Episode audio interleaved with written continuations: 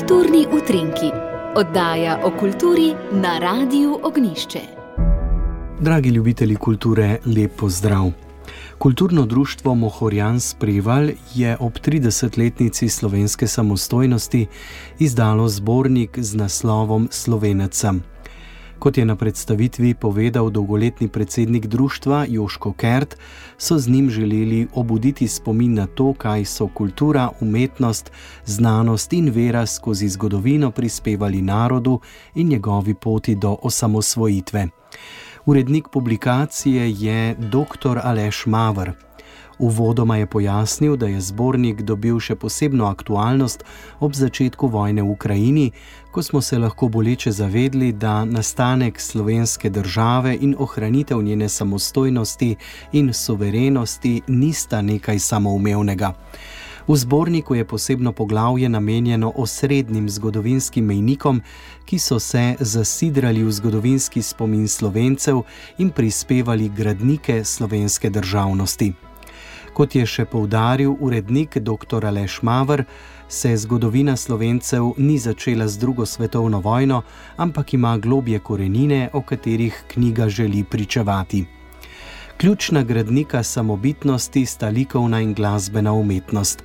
Prvi se je posvetil slikar in akademik Andrej Jemec, drugi skladatelj in akademik Lojze Lebič.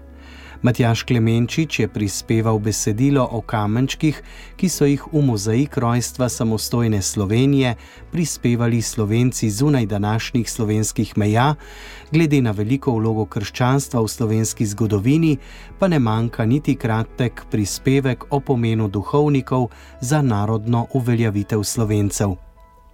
Kot posebnost knjige je dr. Mavr izpostavil besedilna izbora spomenikov slovenstva in pa domoljubne poezije. Na predstavitvi je akademik Andrej Jemec povedal, da je zgodba slovenstva izjemno obsežna, zato je bil sprva v zadregi, kje bi to kot slikar sploh prijel. Akademik Lebič pa je povedal, da njegovo besedilo ni takšno, kot če bi ga pisal znanstvenik, saj je sam skladatelj, izrazil pa je upanje, da se v njem najde kaj ravno zaradi tega. Bil je tudi kritičen do pojma glasba na slovenskem, saj sam meni, da tega ni, da obstaja le slovenska glasba. No, knjigo bomo obširneje predstavili na Radio Ognišče v bližnji prihodnosti.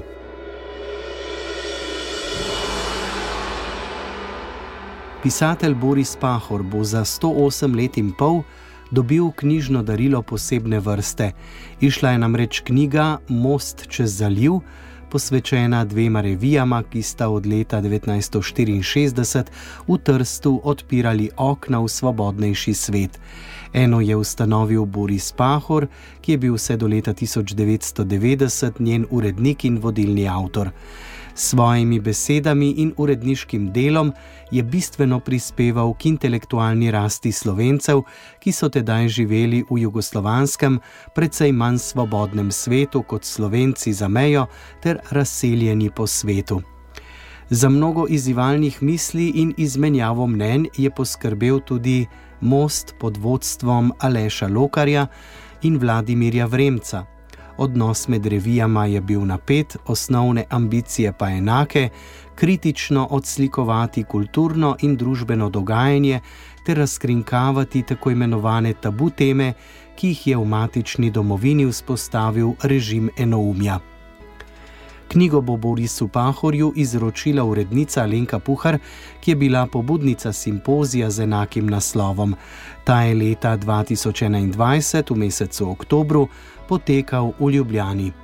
Besedila so prispevali Vladimir Vremec, Drago Štoka, Lev Detela, Loredana Umek, Felix Bister, Lojze Peterle, Miha Glavan, Tomaš Ivešič, Ivo Jevnikar, Marjan Frankovič in Alenka Puhar.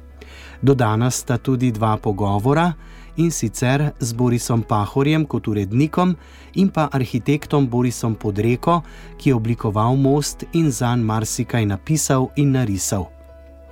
Alenko Puhar bo na obisk k Borisu Pahorju pospremil Lojze Peterle.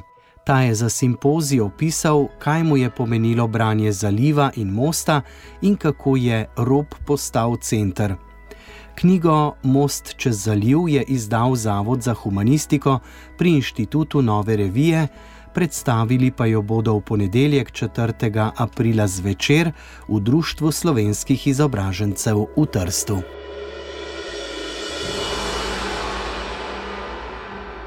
Toliko za danes v kulturnih utrinkih, z vami sem bil Jože Bartol, ki vam želim še naprej lep dan.